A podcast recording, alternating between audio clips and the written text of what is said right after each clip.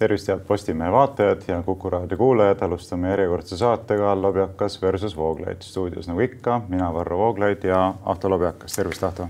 tere minugi poolt. tänases saates üritame saada käsitletud kokku koguni neli teemat, saab näha, kui hästi see meil välja kukub. aga mõtlesime, et võib-olla teistest teemadest veidi pikemalt räägime esimesest teemast, mis puudutab siis Soomes endisele siseministrile ja praegusele parlamendiliikmele Päivi Räsasele äh, kuriteo süüdistuse nüüd juba esitamist, ennem oli, oli tegemist kahtlustusega, nüüd on tegemist juba riikliku süüdistusega, et asi läheb siis kohtusse. Äh, teiseks räägime mõned sõnad eelarvekärbete teemal ja laiemalt riigieelarve strateegiaga seonduvatest küsimustest. kolmandaks põgusalt peatume sellel küsimusel sellest, mida arvata RMK tegevusest, mis on viimasel ajal jälle teravamalt päevakorda tõusnud. ja ehk räägime siis mõned sõnad lõpetuseks ka nendest uutest koroonapiirangutest, mis siis mõnevõrra saavad leevendatud alates kolmandast maist. aga mis seal ikka, läheme esimese teema juurde ja nagu sai juba öeldud, siis puudutab see Päivi Räsase kaasus. süüdistuse sai ka teine inimene, Johanna, Juhanna Poh-, Pohjala, kes on siis, kes ta siis täpselt ongi, üks ühesõnaga Luteri kiriku vaimulik keda süüdistatakse siis selles, et tema hallatud kodulehel on olnud üleval need kirjutised, millega seonduvalt on Räsenenile osaliselt süüdistus esitatud. ja no tähelepanuväärne on see, et me oleme sellest kaasusest ka varasemates saadetes mõnikord rääkinud, vist isegi eelmisel kevadel juba tükk aega tagasi.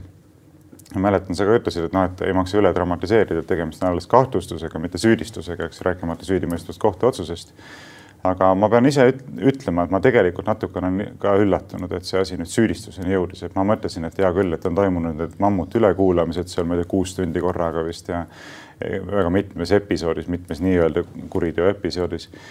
aga et ju nad siis lõpetavad selle asja ära, et nad näevad, et tegelikult siit nagu asja kokku ei tule, aga ei, et tundub, et nad on ikka väga kindlameelsed seal prokuratuuris ja Soome peaprokuröri nõudmisel on siis asi jõudnud nüüd reaalselt kohtusse. kas sa tahad lühidalt ka öelda, mis on selle asja sisu, et kuulaja, kuulaja saaks enam-vähem täpselt aru, millest me räägime? isegi vist kirjutasin siia välja nüüd lühidalt, et esimene süüdistus puudutab Räseneni kirjutisi Soome Luter Säädio ja Evangeelse Luterliku Kiriku veebisaitidel kaks ülejäänud süüdistust on seotud Räseneni avaldustega sotsiaalmeedias ja üle ehk siis Rahvusringhäälingu saadetes. aga mida ta ütleb? jah, ja, ja, ja kõik süüdistused siis seonduvad sellega, et ta on väljendanud piibellikke arusaami seonduvalt sellega, milline hinnang anda homoseksuaalsete suhete äh, moraalsusele. mitte ainult ta räägib seal nagu abielu eetikast, abielu moraalist ja sellest, et, et homoseksuaalsed suhted ei ole siis sellega kooskõlas.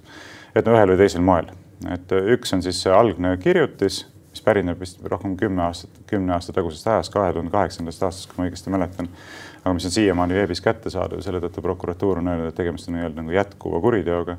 ja teised on siis äh, noh, erinevad äh, sõnavõtud, millega on kommenteeritud äh, seda esialgset süüdistust, muuhulgas siis üks raadiosaade üles, mis on eriti markantne selles mõttes, et sind kutsutakse Rahvusringhäälingu saatesse rääkima sellest asjast, onju. sa räägid siis sellest asjast ja sellest vestluses seal raadiosaates tuleb uus, uus süüdistuse episood. ja noh, mida mina omalt poolt ütlen, on see, et äh, järjekordselt seesama asi, mida ma olen varem öelnud, siin me näeme, kui ohtlik asi on see niinimetatud vaenukõne või vihakõne kriminaliseerimine. mingit vahet muuseas ei ole, kas me nimetame seda vaenukõneks või vihakõneks, et nagu ei ole vahet, kas me nimetame hunti susiks või võsa Villemiks, eks. tegemist on ikka ühe ja sama asjaga. tegemist on reaalselt sõnavabaduse väga ulatusliku piiramise vahendiga ja, ja eriti ohtlik on sellepärast, et lihtsalt mitte keegi täpselt ei tea mis sinna alla kuulub, mis mitte ja prokurörid just sellisel juhul saavad justkui nagu uued ülempreestrid, kes siis otsustavad, et, et mis on lubatav, mis mitte.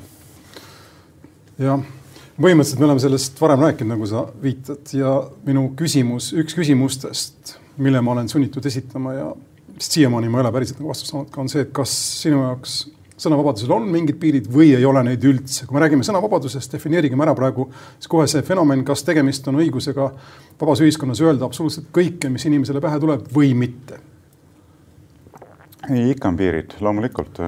me elame ju praegu ka ühiskonnas, kus on ulatuslikud piirid sõnavabadusele seatud nii või teisiti. ma ei tea, näiteks äh, kohustus äh, mitte avalikustada riigisaladust. ega ma mõtlen, okei okay,, aga las ma defineerin siis veidikene ümber, võtame siis sellised piirid, mis on piirid sellepärast, et nende rikkumine võtaks meilt kui ühiskonnalt midagi ära, ehk siis väga põhimõtteliselt, ma ei mõtle siin laimamist, ega ma ei mõtle ka siin jah, nagu seda näidet, mis sa praegu tõid, aga ütleme niimoodi, et on asju, mis on meie ühiskonna jaoks öeldamatud või mida ei tohiks öelda. Saksamaal näiteks, ma usun, et sa tead seda sama hästi kui mina, on sellisteks asjadeks noh, teine maailmasõda, Hitler, holokaust ja muu sarnane, eks Saksamaa on selle läbi elanud ja ma usun, et isegi sina ei sea kahtluse alla Saksa ühiskonna äh, noh, õigust seda läbielamist siis kogukonnana mõtestada, eks. ja ma küsin, kas ütleme Eestis peaks või Soomes või kusagil mujal peaks olema või, või võiksid olla sellised kogukonnana mõtestatud põhimõtted, mille eiramine tähendab seda, et sa sisuliselt teed endast lindprii, sa lähed kogukonna väärtuste vastu viisil, mida kogukond ei saa taluda. nojah, ma arvan, ma pean vastama samal viisil, nagu ma olen sulle varem vastanud sellele küsimusele, nii palju kui ma mäletan, et, et mitte kõik asjad, mida inimesed ütlevad, ei pea olema sotsiaalselt heaks kiidetud aga samal ajal ka mitte kõik asjad, mida me sotsiaalselt heaks kiita, ei kiida, ei pea olema kriminaliseeritud, eks.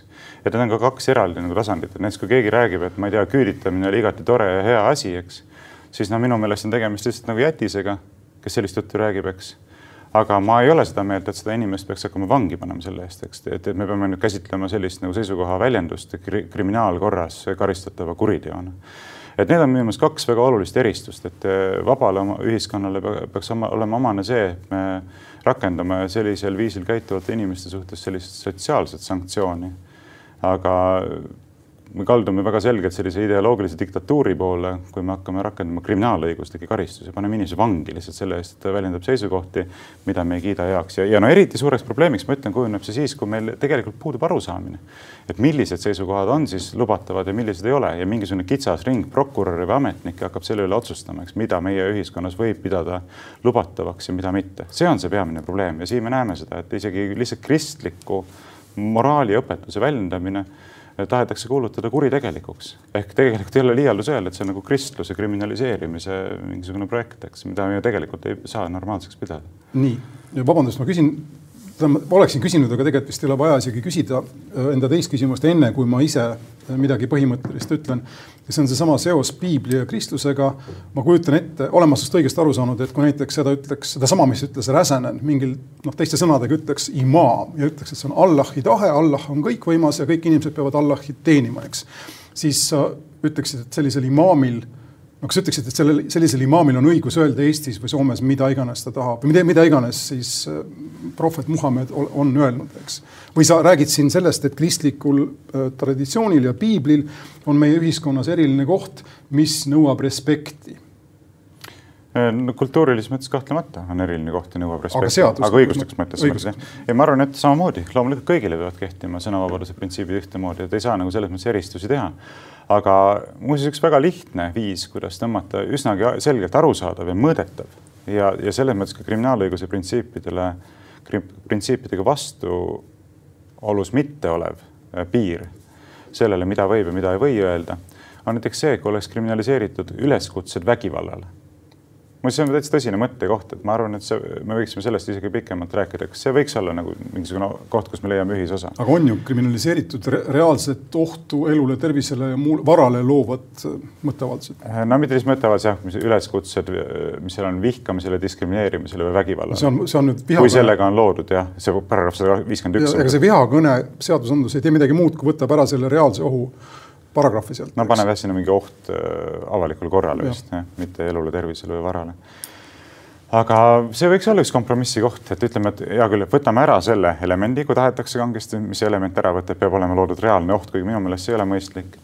aga jätame alles ainult üleskutsed vägivallale mitte vihkamisele, mitte diskrimineerimisele, mis on totaalselt laialivalguvad ja keegi ei suuda sõnastada seda määratleda, piiritleda.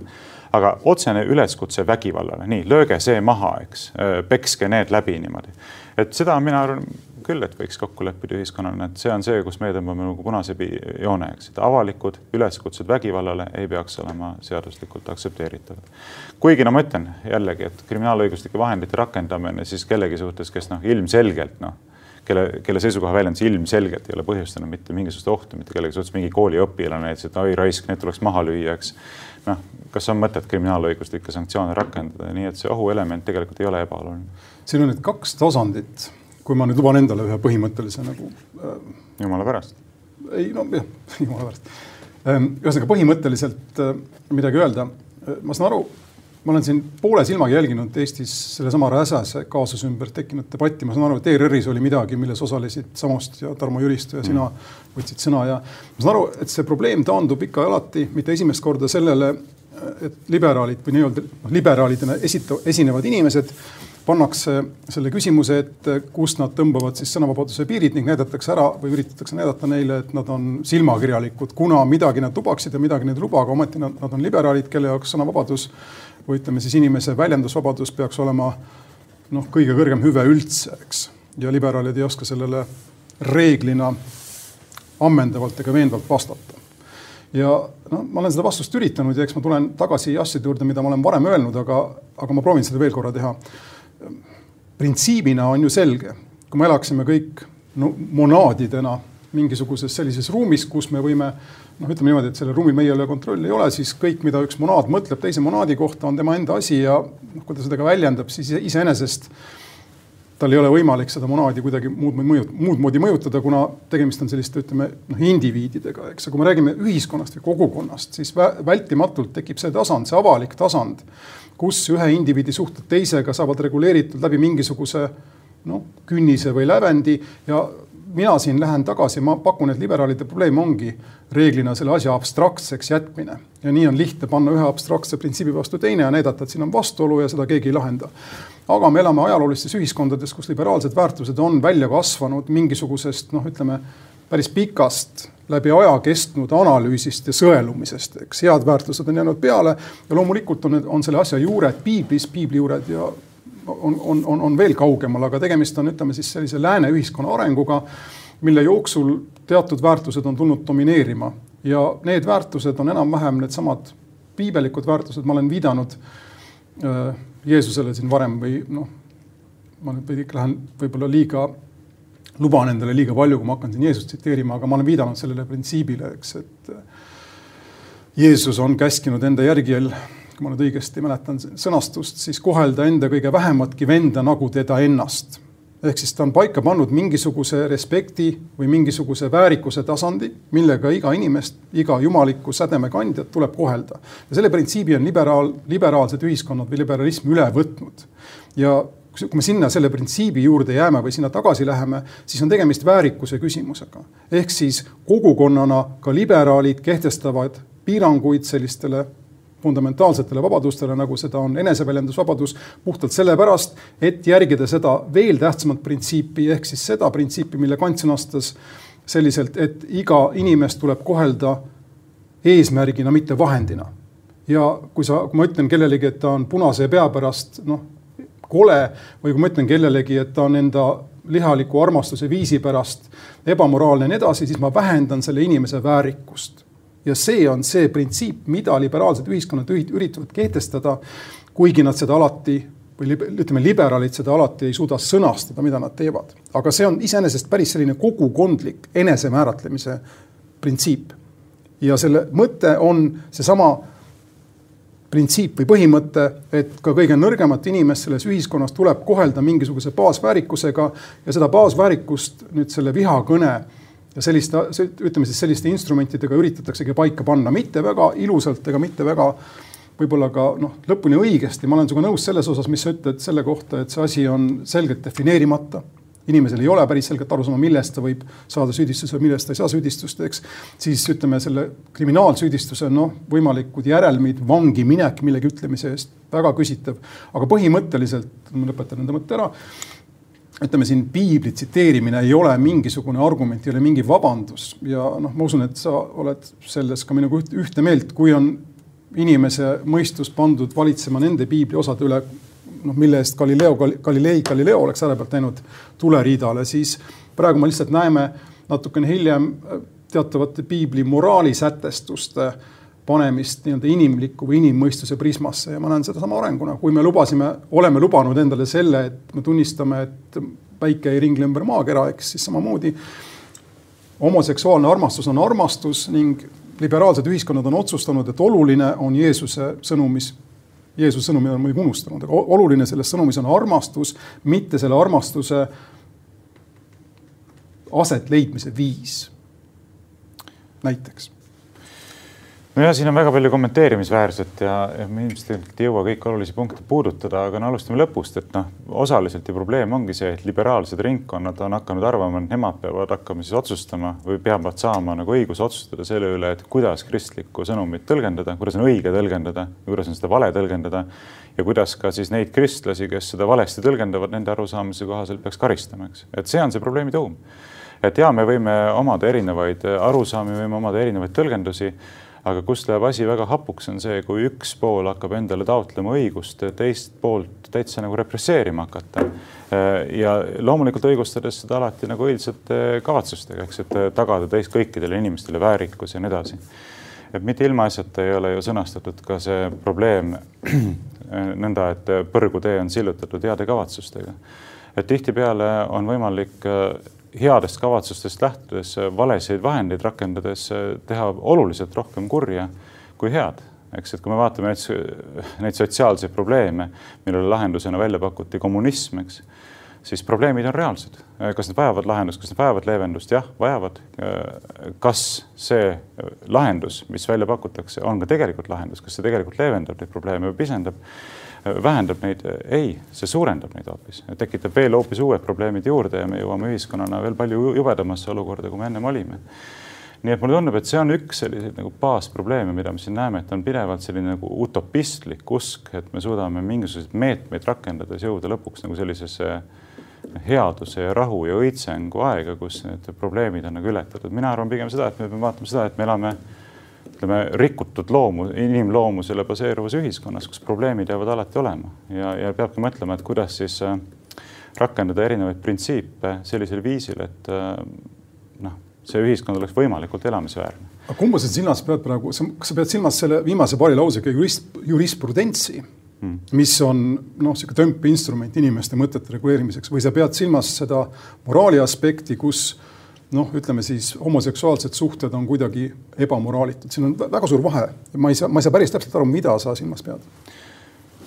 Äh, ma ei saa ka su küsimusest päris täpselt aru, aga mida ma silmas pean no ma peangi silmas seda kriminaalõiguslikke vahendeid. kui me jääme sellele tasandile, siis ma üldiselt sinuga ei vaidle. jah, ei peaks hakkama rakendama selleks, et äh, suruda maha seisukohti, vaateid, hoiakuid, mida me ei pea õigeks, eks. see on nagu see baasprintsiip, milles me võiksime kokku leppida. aga siin sa oled nõus. elame sellises ühiskonnas, me ei rakenda kriminaalõiguslikke vahendeid. aga sa oled, me ei, ma ei ole päris kindel selles, sa, kas sa ei ole nõus sellega, et Austrial ja Saksamaal on teatud mõttes õigus kõrvalt vaadates näiteks holokausti keelamine, holokausti eitamine kriminaliseerida, nad on teinud seda, nad on teinud seda oma kogukondlikul läbi elatud no. ajaloolistel põhjustel ja kas selliseid põhjusi ei võiks tekkida ka Eestil? ma ei ütle, et praegu need võiks olla, ei, praegu nad oleksid olemas, aga iseenesest ma ei välistaks neid noh, me võiksime ka kriminaliseerida Nõukogude okupatsiooni või küüditamise, eitamise või pisendamise, aga me saame ilma, ilma selleta väga hästi hakkama ja ma arvan, et me võiksime selles osas olla ka sakslastele, austerlastele eeskujuks, eks näed, saame hakkama. me usaldame oma inimesi piisavalt, me usaldame oma ühiskonda piisavalt, et me saadame need probleemid ära lahendada kultuuriliste, sotsiaalsete vahenditega, mitte kriminaalõiguslike vahenditega. sellega sa mööda minnes relativiseerisid holokausti Äh, ähm, Austrias aga see on ka muuseas niisugune positsioon, mida mina nagu ei talu absoluutselt, ei, et meil on mingi absoluutne kannatus ja vot ei või sellega võrrelda mitte midagi muud ja nii edasi. aga..., inimlikud draamad on igal pool olnud väga-väga-väga traagilised, nii et ärge hakake siin mulle niisugust juttu rääkima, et mingi juutide kannatused on kuidagi suurema moraalse kaaluga kui teiste inimeste kannatused et.... jah, vaata, vahe on selles, et juudid ja siin ma olen sinuga osaliselt nõus, siia tuleb sisse tuua ka teisi gruppe, aga samasse konteksti ehk siis juudid, homoseksuaalid, mustlased olid need inimgrupid, etnos ja ütleme siis noh, mis iganes, kuidas neid defineerida, mis taheti täiesti hävitada ja see on midagi uut ja midagi pretsedenditut ja, ja mul läks aega eestlasena, tuleb öelda, Nõukogude võimu ja ma ei tea, siin Eesti iseseisvustahte produktina, eks läks mul aega, et sellest aru saada, aga, aga jah, seda ma ei relativiseeriks, mis juhtus puhtalt sellepärast, et meie elame siin perifeerias, kus tehnoloogia ja ideoloogiate absolutistliku tehnoloogia, absoluut, absolutistlike ideoloogiate võidukäik ei ole eriti noh, on olnud siiski suhteliselt kerge. kuigi meile tundub, et me oleme ajaloos kannatada saanud, aga sellega võrreldes, mis juhtus juutide, mustlaste homoseksuaalidega näiteks Saksamaal, ei ole me mitte midagi kannatanud. ja ma olen no,. ma ei ole nõus sellega. ja ma olen ka nõus sellega. ikkagi terved perekonnad, kes on äh, maha lastud, äh, küüditatud nii edasi. aga see ei ole võrreldav. ja, aga sina üritad neid kannatusi kuidagi abstraheerida, eks, et on mingisugune abstraheeritud kannatuste kogum, mis on suurem kui siin meie kohalik abstraheeritud kannatuste kogum, aga konkreetsed inimlikud kannatused on vägagi võrreldavad ja sageli isegi suuremad, nii et. seda argumenti on üritatud isegi ma ei tea, kas paremini esitada siin meil Eestis, aga parem. seda on üritatud esitada sellel tasandil, et näed, mark-, marksism on samamoodi uni, universaalselt, potentsiaalselt hävituslik ideoloogia, kuna tahetakse hävitada terve klass Hmm. antud juhul siis ma ei tea, kulakud või kodandus või mis iganes. aga seegi printsiip ei kehti, sest et klass ei ole kunagi defineeritav noh, ütleme lõplikuna, ehk sa võid mõnda klassi kuuluda ja sealt välja kukkuda. rahvus on või? rahvus on, rahvusest, no seda me oleme varem rääkinud, eks, kes on eestlane, kes ei ole eestlane, meil see debatt praegu siin käib. ja selles mõttes me oleme no, ikkagi. sa ise oled juba esindanud seda positsiooni pigem, et ei ole see kuidagi eksklusiivselt defineeritud. ta ei peaks olema, seda ma tahangi öelda, me peame edasi liikuma selle rahvusegi definitsiooniga, et ei saaks muuseas osaliselt ka sellepärast. aga siis pole ju põhimõtteliselt erinevus ka klassiga. ei, aga tulevikus ei saaks juhtuda, täna on ikkagi erinevus olemas, kuna tulevikus võib ikkagi juhtuda, et eestlane tahab hävitada kõik venelased Eesti Vabariigi territooriumilt, ega väga kaugel see mõte meist paljust ei ole, aga, aga ma tahan selle teema lõpuks tulla tagasi ühe lause või kahe lausega mm -hmm. enda põhimõtte juurde, ühesõnaga enda põhilise, põhilise ütleme siis argumendi juurde, mis mulle tundub, et jookseb sult maha nagu vesi hane seljalt. ehk siis ma ürit-, ma olen üritanud siin ma olen vaeva näinud sellega, et kogu seda liberalistlikku argumenti esitada kogukondliku enesemääratlemise produkti või tulemusena. ja mulle tundub, et see on ju see, mida sina peaksid kõige kallimaks pidama, eks sa oled seda aeg-ajalt tihti rõhutanud. et kui kogukond midagi enda enamusena otsustab, siis on see ja. nende, see on see nende õigus niimoodi elada okay.. ja liber-, liberaalne kogukond Soomes näiteks on, liberaalne enamus Soomes on otsustanud või otsustamas, et see on see viis, kuidas nad tahavad elada ja inimesed, kes piiblist tsiteerivad lõike, mis teatud ühiskonnaliikmeid alavääristavad või panevad noh, neid ennast kehvalt tundma, need, neid inimesi tuleb karistada. aga kui enamus tahaks otsustada, et paneme homoseksuaalid vangi, siis see oleks ka okei okay, või? ei, vaata küsimus ongi selles. kristlased et... panna vangi enamus otsusel on okei okay,, homoseksuaale vangi panna enamus otsusel ei ole okei okay.. okei okay,, meil ei ole aega selle jaoks, aga ma pean selle, ma pean vastama. aga ma tahaksin ka tegelikult omalt poolt paar asja. ma vastan hästi lühidalt sellele. ja see on, äh, tasandid on erinevad. Soomes ei otsusta enamus, vaid Soomes otsustavad inimesed, kes tõlgendavad seda väärtuste kogumit, millele Soome ühiskond üle aja ja läbi aja äh, tugineb. ja see väärtuste tõlgendamine on midagi muud kui lihtsalt korraldada rahvaküsitlusi öelda tapame või ei tapa. no ma arvan, et need väärtused, millele vaba ühiskond tugineb, ongi ennekõike seotud sõnavabadusega, mitte homoseksualismiga. kanti ja, ja inimese nii..., üksikisiku autonoomiaga ja, ja väärikusega no seda ka, aga muuseas äh, jaa, kindlasti, kaasa arvatud sellega, aga kui me hakkame seda tagama kriminaalõiguslike vahenditega, siis me jookseme ikkagi rappa, aga ma ütlen nüüd paar asja ära, mida ma tahtsin omalt poolt selle teemaga seonduvalt öelda, mis osaliselt haakuvad ka sinu öelduga, et esiteks, see ei ole kogukonna enesemääratlus antud juhul.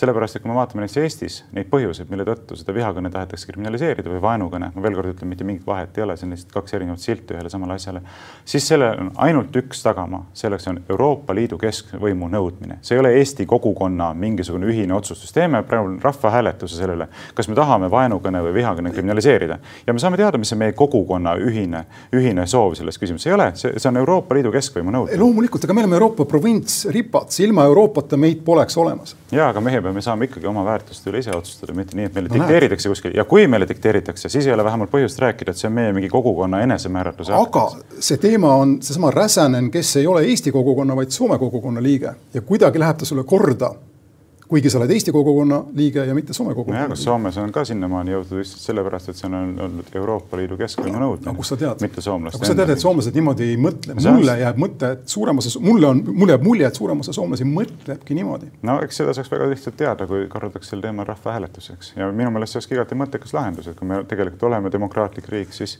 demokraatlik ühiskond, siis võiks niipidi nendele asjadele läheneda. aga ma omalt poolt selle teema lõpetasin, me oleme tegelikult selgelt üle aja läinud, mainin ühte asja, kus sa mainisid seda Tarmo Jüristo vestlust Anvar Sammostiga, kus ma pidin ka tegelikult alguses osalema, aga ma ei saanud. ma lähen järgmine nädal sinna Anvar Sammostiga nendel samadel teemadel rääkima.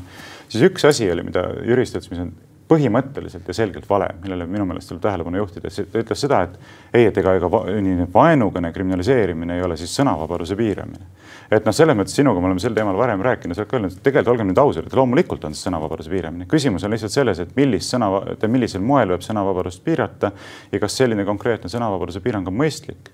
aga inimene käitub selgelt intellektuaalselt ebaausalt, kui ta hakkab ütlema, et see ei olegi üldse sõnavabaduse piirang. loomulikult on. see ongi, sa väga hästi, sa kirjeldad väga hästi seda kimbatust, millesse satuvad väga paljud liberaalid, kui nad selle teemaga peavad vastu, vastu, vastu, vastu, sellele teemale peavad vastu astuma, sellega ma üldse ei vaidle. selles mõttes sinu lähenemine on palju parem, et sa ütled, jaa, on küll, aga peabki olema. ma ei tea, kas ta on palju parem, aga Ausam. millest liberaalid, no suurem osa inimestest, kes ennast liberaaliks peab tänast, tänases, ütleme eriti Ida-Euroopas, aga ka mujal, millest nad aru ei saa, on see, et ka nende enda väärtused on mingi ajaloolise arengu tulemus, mitte lihtsalt kusagilt kõrgelt antud või ma ei tea, loomuõigusest tulenevad, eks nad on ikkagi midagi, mis tuleb, mis kasvavad välja ühiskonna pikaajalisest koostoimest, kogukonna pikaajalisest koostoimest ja on väärtused ainult tänu sellele, sellest mina saan aru. Ma, mul ei ole sellega probleemi, aga, aga kui sa üritad jah, seda asja nii-öelda jumala positsioonilt lahendada, siis liberaalidel ei ole jumalat ja keegi ei langeta lõplikku otsust, siis mis on jah, mis on ja mis ei ole tähtis just, no ma tean, ma ei taha väga poleemilist lõpetada, aga võib-olla küsimusena võiks õhku jääda rippuma küsimus sellest, et liberaalid võiksid ajaloolisest kogemusest olla õppinud ka seda, et sõnavabadus on väga suur väärtus, mida ei tohiks kergekäeliselt piirama minna. selles osas me oleme nõus vist? ja ma ütlen selle viimase lausena ise liberalismi akadeemiliselt õppinuna, et on, on küll ja küll nii-öelda pool postliberaalseid teoreetikuid ja väga suuri mõtlejaid, kes saavad aru sellest elementaarsest faktist, et vabas ühiskonnas on väärtuseid, on noh, ütleme vältimatult väärtuseid ja mitmeid, mis üksteist kui nad vastakuti lähevad, välistavad ja kogu see probleemi sisu liberaalses või vabas, vabas ühiskonnas ongi elada niimoodi, et need olulised väärtused, mis võivad üksteist välistada, saaksid ikkagi koos eksisteerida. ja sellest on väga raske aru saada. ja, ja kui see õige tasakaal kaotada, siis võib ka liberalism muutuda diktatuuriliseks ideoloogiaks. ja siin sa, jah, täpselt, kui üks, ütleme, üks printsiip äh, liberalismi põhiprintsiipides hakkab domineerima teiste üle, siis on sul probleem. just aga ma olen kindel, et nende teemade juurde me oleme tagasi ja tegelikult võiks sellest terve saate rääkida. ma isegi enne saadet tegin sellise ettepaneku, et võiksime ühe saate võtta, kus räägimegi, mis on siis see liberalism. no oleme ausad, me oleme siit välja visanud nagunii sellest saatest peaaegu RES-i ja RMK. just, just, aga lähme edasi, et siis jõuab neid ka vaadata. Lähme teise teema juurde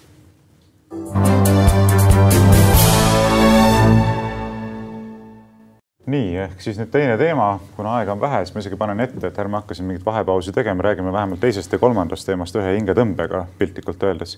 et üks on siis äh, esimene neist teemadest puudutab äh, riigieelarve strateegiat, mida siin sel nädalal tutvustati ja eelarvekärpeid ja teine, teine aspekt siis äh, neid kriitilisi tähelepanekuid, mis on tõusnud seonduvalt RMK tegevusega, mis ka ju üritab ilmselt valitsuse tellimusel siis riigieelarvet meeleheitlikult täita aga mida siis kokkuvõttes nendest asjadest arvata, noh, me mõlemad vist ei ole nagu eriliselt detailselt seda riigieelarve strateegiat äh, studeerinud siin. ja selle tõttu ei hakka mingisugust nagu tehnilist analüüsi tegema, aga, aga minu jaoks, kui ma otse lahti teen, on nagu peamiseks küsimuseks see, et ma näen, et mõlemal poolel selles vaidluses on ju tegelikult päris tugevad argumendid olemas, et äh, ühelt poolt on tugevad argumendid olemas nendel, kes ütlevad, et äh, printsiibis on vale kulutada järjepidevalt rohkem raha kui riigieelarve seda võimaldab, eks, et ei saa ükski eraisik sellisel viisil jätkusuutlikult elada, ei saa ükski ettevõte sellisel viisil jätkusuutlikult elada.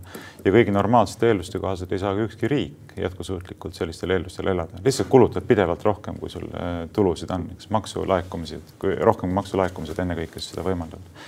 aga teiselt poolt on jälle õigus ju ka teisel poolel, kes ütlevad, et kui praktiliselt kõik ülejäänud riigid euroalas, kes kasutavad siis sedasama raha, mida meie kasutame elavad üle võimete süstemaatiliselt, kasvatavad pidevalt riigivõlga kaugele üle selle kuuekümne protsendi SKP-st, mis on kokku lepitud üleüldse tingimusena euroalasse kuulumiseks, siis kui meie selle valemänguga kaasa ei lähe, siis sisuliselt, mida me teeme, on see, et me võimaldame teistel elada ju enda arvelt, sest veel kord, me kasutame ühte ja sama raha ja selle raha devalve-, devalveerumine, eks ole, või inflatsioon toimub äh, sõltumata sellest, kas meie elame üle oma võimete või mitte, kui teised, kes kasutavad sedasama raha, seda teevad pidevalt. nii et kus see õige vastus siin on, et ega ma pean tunnistama, et ega minul ka niisugust mingisugust nagu valmis vastust ei ole sellele küsimusele. no siin on see kolmas element ehk inflatsioon ja üldse raha või ütleme, väärtuse äh, või seda või selle, mida loetakse väärtuseks, väärtuse muutumine ajas. muuhulgas meil on peale inflatsiooni inflatsiooni kõrval ka olnud viimase kümne aasta jooksul ju rahatrüki fenomen, eks, ja kuidas raha massiivne paiskamine valitsuste, keskpankade poolt majandusse, kogu seda võrrandit suhteliselt ütleme üheksateistkümnenda sajandi tasandil esitatud võrrandit võlgu ja mittevõlgu elamisest mõjutab, noh, selleks on ma arvan, et sellest päriselt ei saa aru ka kõige paremad äh, majandusteadlased, see on, vähemalt siin on mitmeid seisukohti.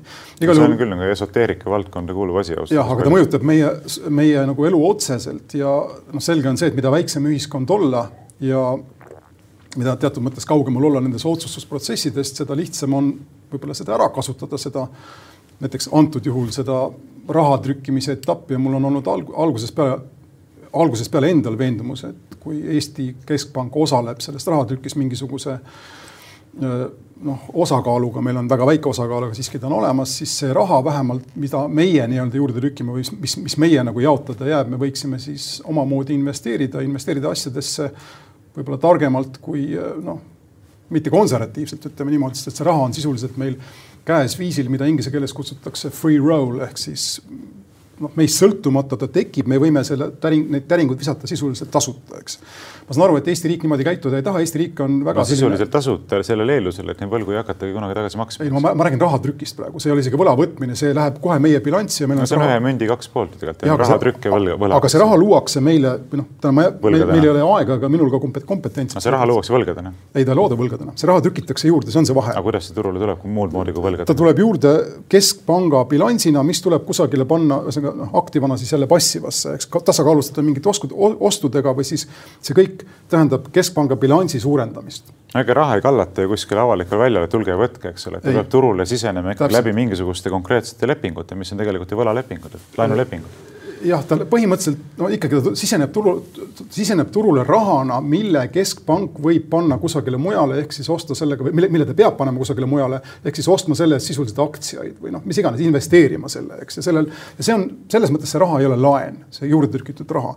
Eesti, mul ei tule meelde need summad, aga need on iga aasta on Eestil kulutada mingi kolmsada miljonit eurot või rohkem, ma võin eksida siin. aga kas ma eksin, kui ma ütlen, et Eesti ei pääse mitte ühelegi juurde trükitud, noh piltlikult öeldes trükitud, ega enamikki raha ei trükitakse, siis kirjutatakse numbritena juurde kuskile kontodele.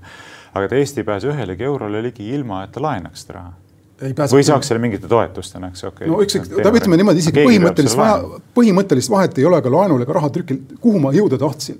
ja ma kujutan ette, et inimesed on mind, kes asja tunnevad on meid ammu välja vilistanud siin ja saavad vilistama välja seda salvestust kuulates, aga no,. jõudu, jõudu tööle. aga kuhu ma jõuda tahan tegelikult, on see, et teatud tasandil ja see tasand on oluline, on noh, ütleme Eestis riigi ideoloogiline reformierakondlik rahast mõtlemine kahe jalaga üheksateistkümnendas sajandis.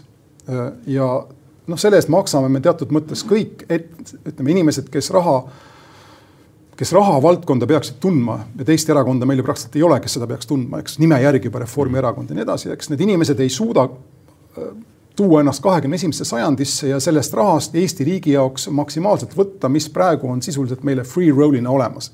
ja see on minu kriitika, ehk me käitume selle Angela Merkeli mis ta on sõnade järgi, et üks Schwabimaa perenaine saab kulutada ainult seda, mis tal nii-öelda kodus rahakotis on, eks, aga raha ei ole enam ammu kodus kellegi rahakotis, raha on ammu midagi, millest väga väike osa on paberis kättesaadav või minu meelest müntides kättesaadav, eks. ja ma ei ole kindel, et ma sinuga noh, üldse nagu vastan sinu mõtetele siin, aga, aga mina tahaks näha üldse Eestis sellist noh pööret kahekümne esimese sajandi rahandusse, mõistlikul muidugi, aga sellisel viisil, et me oskame ära kasutada neid šansse, mis on meil tänu sellele stabiilsele ümbrusele Euroopa Liidule euro rahatrükile ja muule ja mis ei pruugi korduda või mis võivad kaduda viie või kümne aastaga, ei pruugi kunagi korduda jah, siin on jube palju rääkida, see on tohutult huvitav ja oluline teema jällegi, ma täiesti tõsiselt teeks ettepaneku, et mingil hetkel võiks seda lähemalt vaadata, sest nagu hästi põhimõttelised küsimused on siin taustal tiksumas, et esiteks see, mida sa nimetad stabiilsuseks, see võib olla väga ajutine nähtus. ei, kindlasti ongi. see võib olla stabiilsus, millele järgneb totaalne kollaps.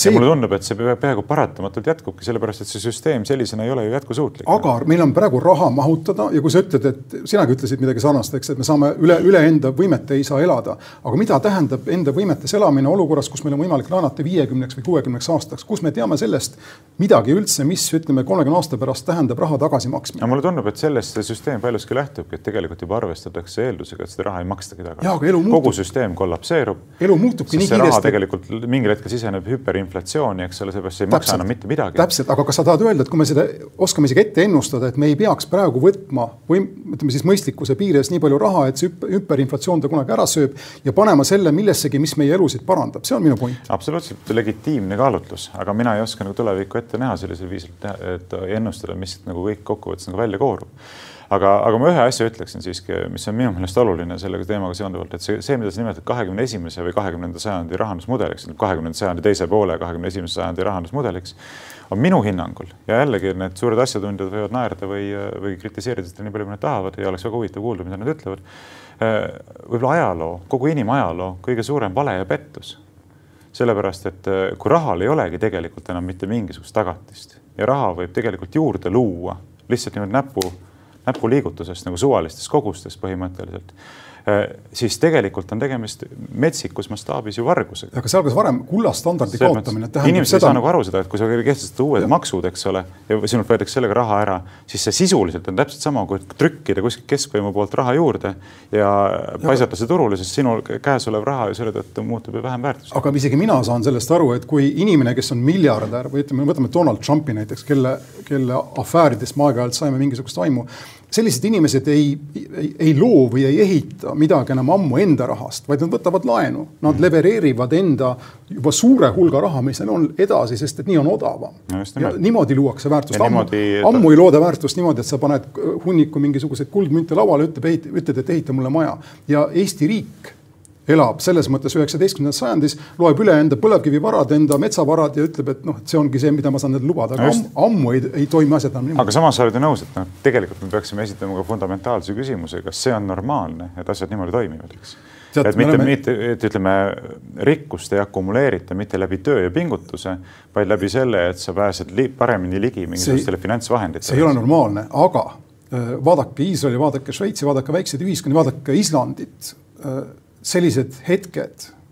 Ja need on tegelikult, ütleme, aastates päris pikad hetked võivad olla paarkümmend aastat, viiskümmend aastat, tuleb ära kasutada sellistel väikestel ühiskondadel, sest et nende jaoks ei ole mitte midagi normaalne selles eksistentsis, eks tuleb tagasi aeg, kus meil ei olegi mitte midagi muud kui ainult põlevkivi ja metsad ja ei ole ka, ütleme, NATO-t ega Euroopa Liitu, ei ole ka midagi Venemaale vastu panna, juhtub midagi hullu, siis kui me ei investeeri õigel ajal ja ei loo väärtust, mis meid üle aja kaitseb, eks. Mm. -hmm ei, ma mõtlen veelkord, legitiimne kaalutlus, aga kuidas see õige tasakaal nendes asjades leida, noh, mina ei oska sellele küsimusele vastata.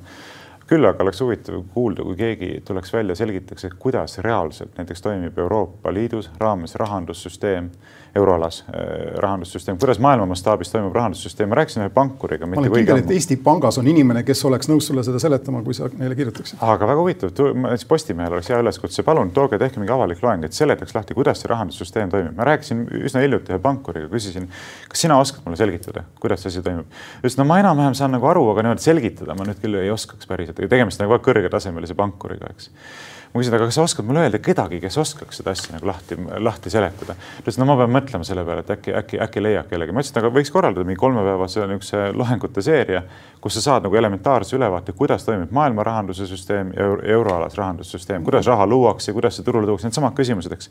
mulle tundub, et paljuski see ongi selline esoteerika, millest nagu õieti keegi ei saa nagu hästi aru, kuidas see käib.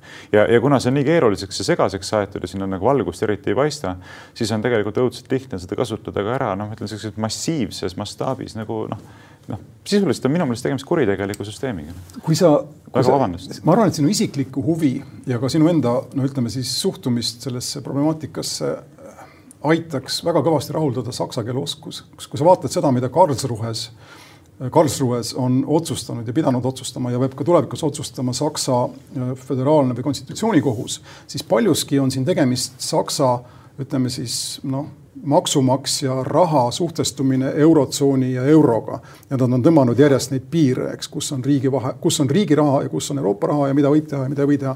ja vastused sinu küsimustele on suuresti seal. noh, sina oskad saksa keelt, sa võid mulle seda selgitada. mul on teised huvid, mul ei ole, mul ei ole piiramatult aega, aga ma olen kunagi selles noh, süsteemi nagu ütleme, välispiirides tsirkuleerinud ajakirjanikuna ja mul on mingisugune tunnetus.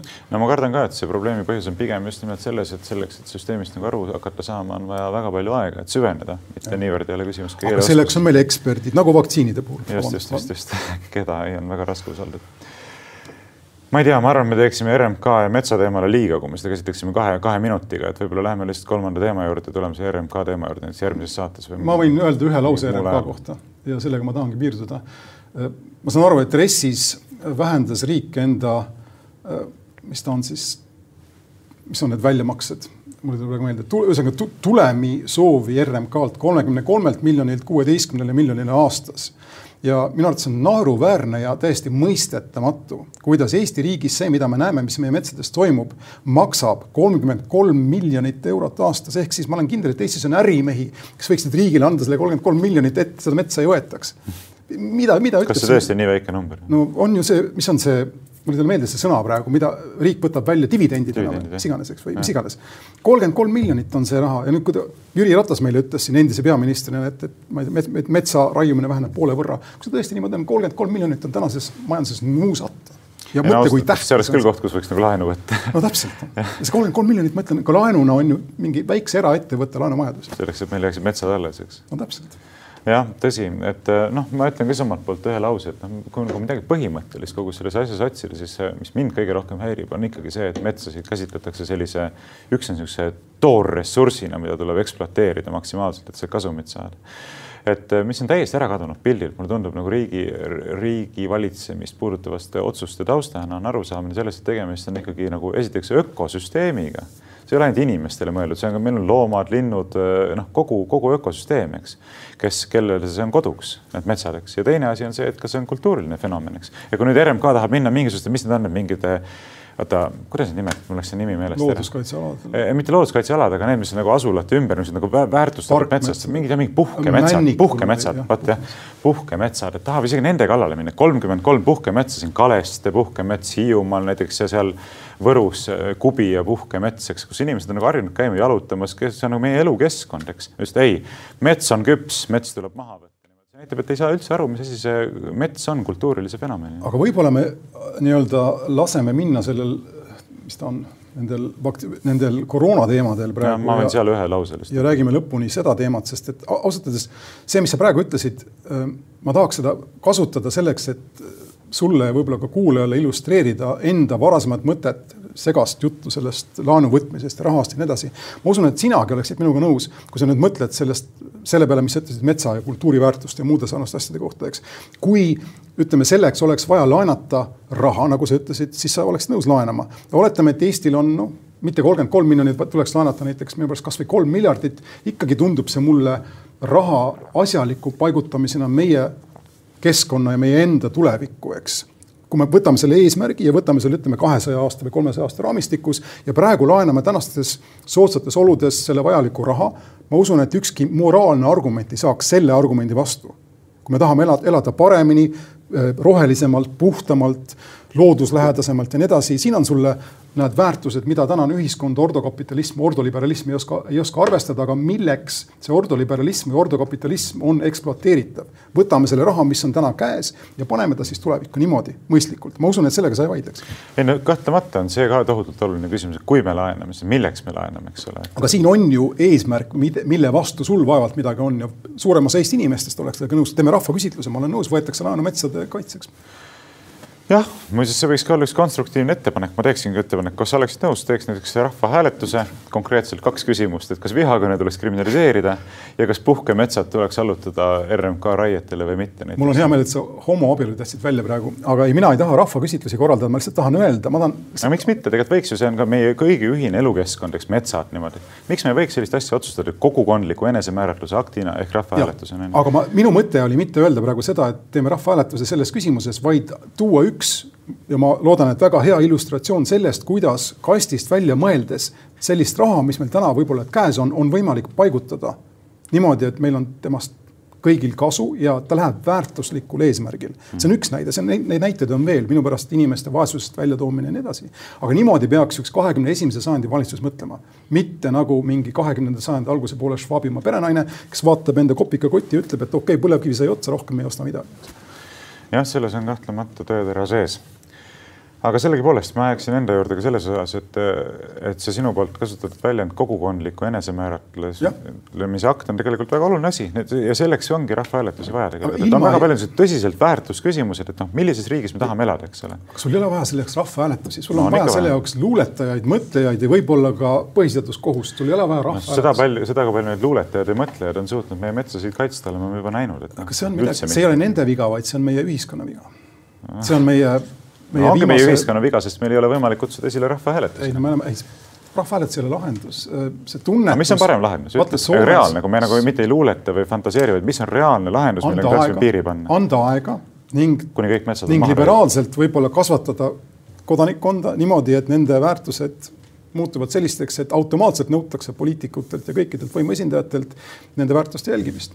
mida rohkem sa liberaalses vaimus inimesi kasvatad, seda rohkem läheb neile korda ainult nende enda isiklik heaolu. ma ei ole kindel, et Soomes või näiteks Skandinaavias, mis on väga liberaalsed kohad, eks, hoolitaks keskkonnast rohkem, vähem kui meil, kui sa vaatad, kus Greta Thunberg tekkis, oli see Rootsi, mitte Eesti.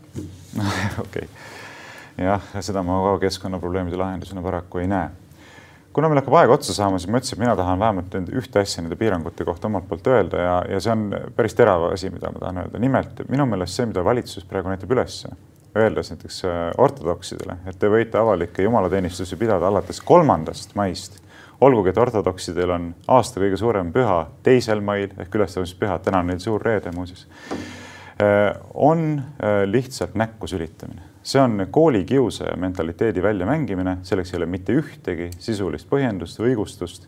Ja selline käitumine on lihtsalt häbiväärne. väida vastu, kui tahad, aga ma selles positsioonis kindlasti taganen üks päev ette või taha, teadmises, et teiste inimeste jaoks on tegemist väga olulise pühaga.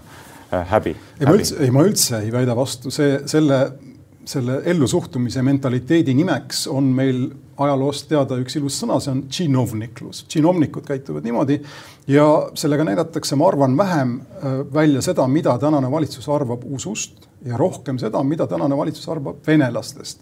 ma pakun, et äh, kui küsida väga põhjalikult Kaja Kallase käest, mida ta tahaks, et Eestis sellises noh, selles mõttes saaks, siis loomulikult eestikeelne õpe ja võib-olla ka, mis on eesti keeles, ütleme siis ajalukku jäänud luterlus saaks nende hingelaadiks, see oleks ideaalne, siis nad ei tahaks neid pühasid pidada, eks. see kõik on seotud selle, mitte millegi muu. võib täitsa olla jah, kuigi noh, ortodoksi seas on ka väga palju eestlasi, eks, et äh, see käib siis ka teiste pihta, isegi kui ta on sihitud ainult venelaste pihta, aga on ta sihitud venelaste oh. pihta või kellegi teise pihta, mage värk. aga sul on geniaalne idee siin, kui sa sõnastaksid selle niimoodi. et eestlased võivad, aga venelased. liberaalidel on selline sihuke naljaküsimus, aga mida teeks Jeesus Kristus? kui sa esitaksid selle küsimuse, aga mida tahaks Konstantin Päts? ta tahaks kindlasti teisel mail minna jumalateenistusele, sest et ta oli õigeusku no ja teine geniaalne ettepanek võiks olla see, et hea küll, et kui me saame valitsusest aru, et vähemalt vene ortodoksid ei saa, nemad saavad kolmandast, aga Eesti ortodoksid võiksid ometi saada teisest, et. oh sorry, mul läksid nüüd päevad segi, aga põhimõtteliselt mõte jääb samaks. ja, ja mõte jääb samaks jah. aga ühesõnaga nii ei tohiks riigivõim käituda, küsimus ei ole siin üldse kristluses ega kristlastes. see on väiklane lihtsalt ja see ei ärata usaldust. bürokraatia olgu, meie saateaeg on juba vist minuti võrra ületatud, nii et tõmbame tänaseks otsad kokku. olulised teemad said puudutatud, aga mitmete juurde peab tulevikus tulema tagasi. aitäh, et vaatasite ja kuulasite, kohtume järgmisel nädalal. Kuulmiseni.